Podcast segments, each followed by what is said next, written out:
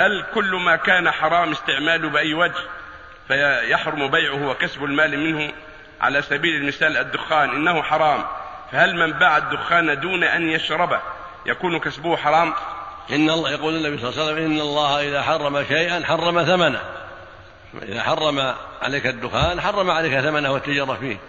لأنك معين على الإثم والعدوان تعينهم على الشر وتجره إليهم وتوصله إليهم. فمن أعان على فعل المحرم شارك في الإثم سواء بالبيع أو بالهدية. فلا تعطي الدخان هدية ولا بيعا ولا غير ذلك. إلا الشيء المحرم أكله ولكنه ينتفع به هذا لا بأس مثل الحمير والبغال ينتفع بها تباع لكن لا تؤكل إنما تباع للعمل ركوبها والسني عليها والحمل عليها. أما ما حرم الله أكله والانتفاع به فإنه يحرم ثمنه كالدخان والمسكرات والخنازير وأشباه ذلك مما حرم الله أكله وحرم انتفاع به نعم.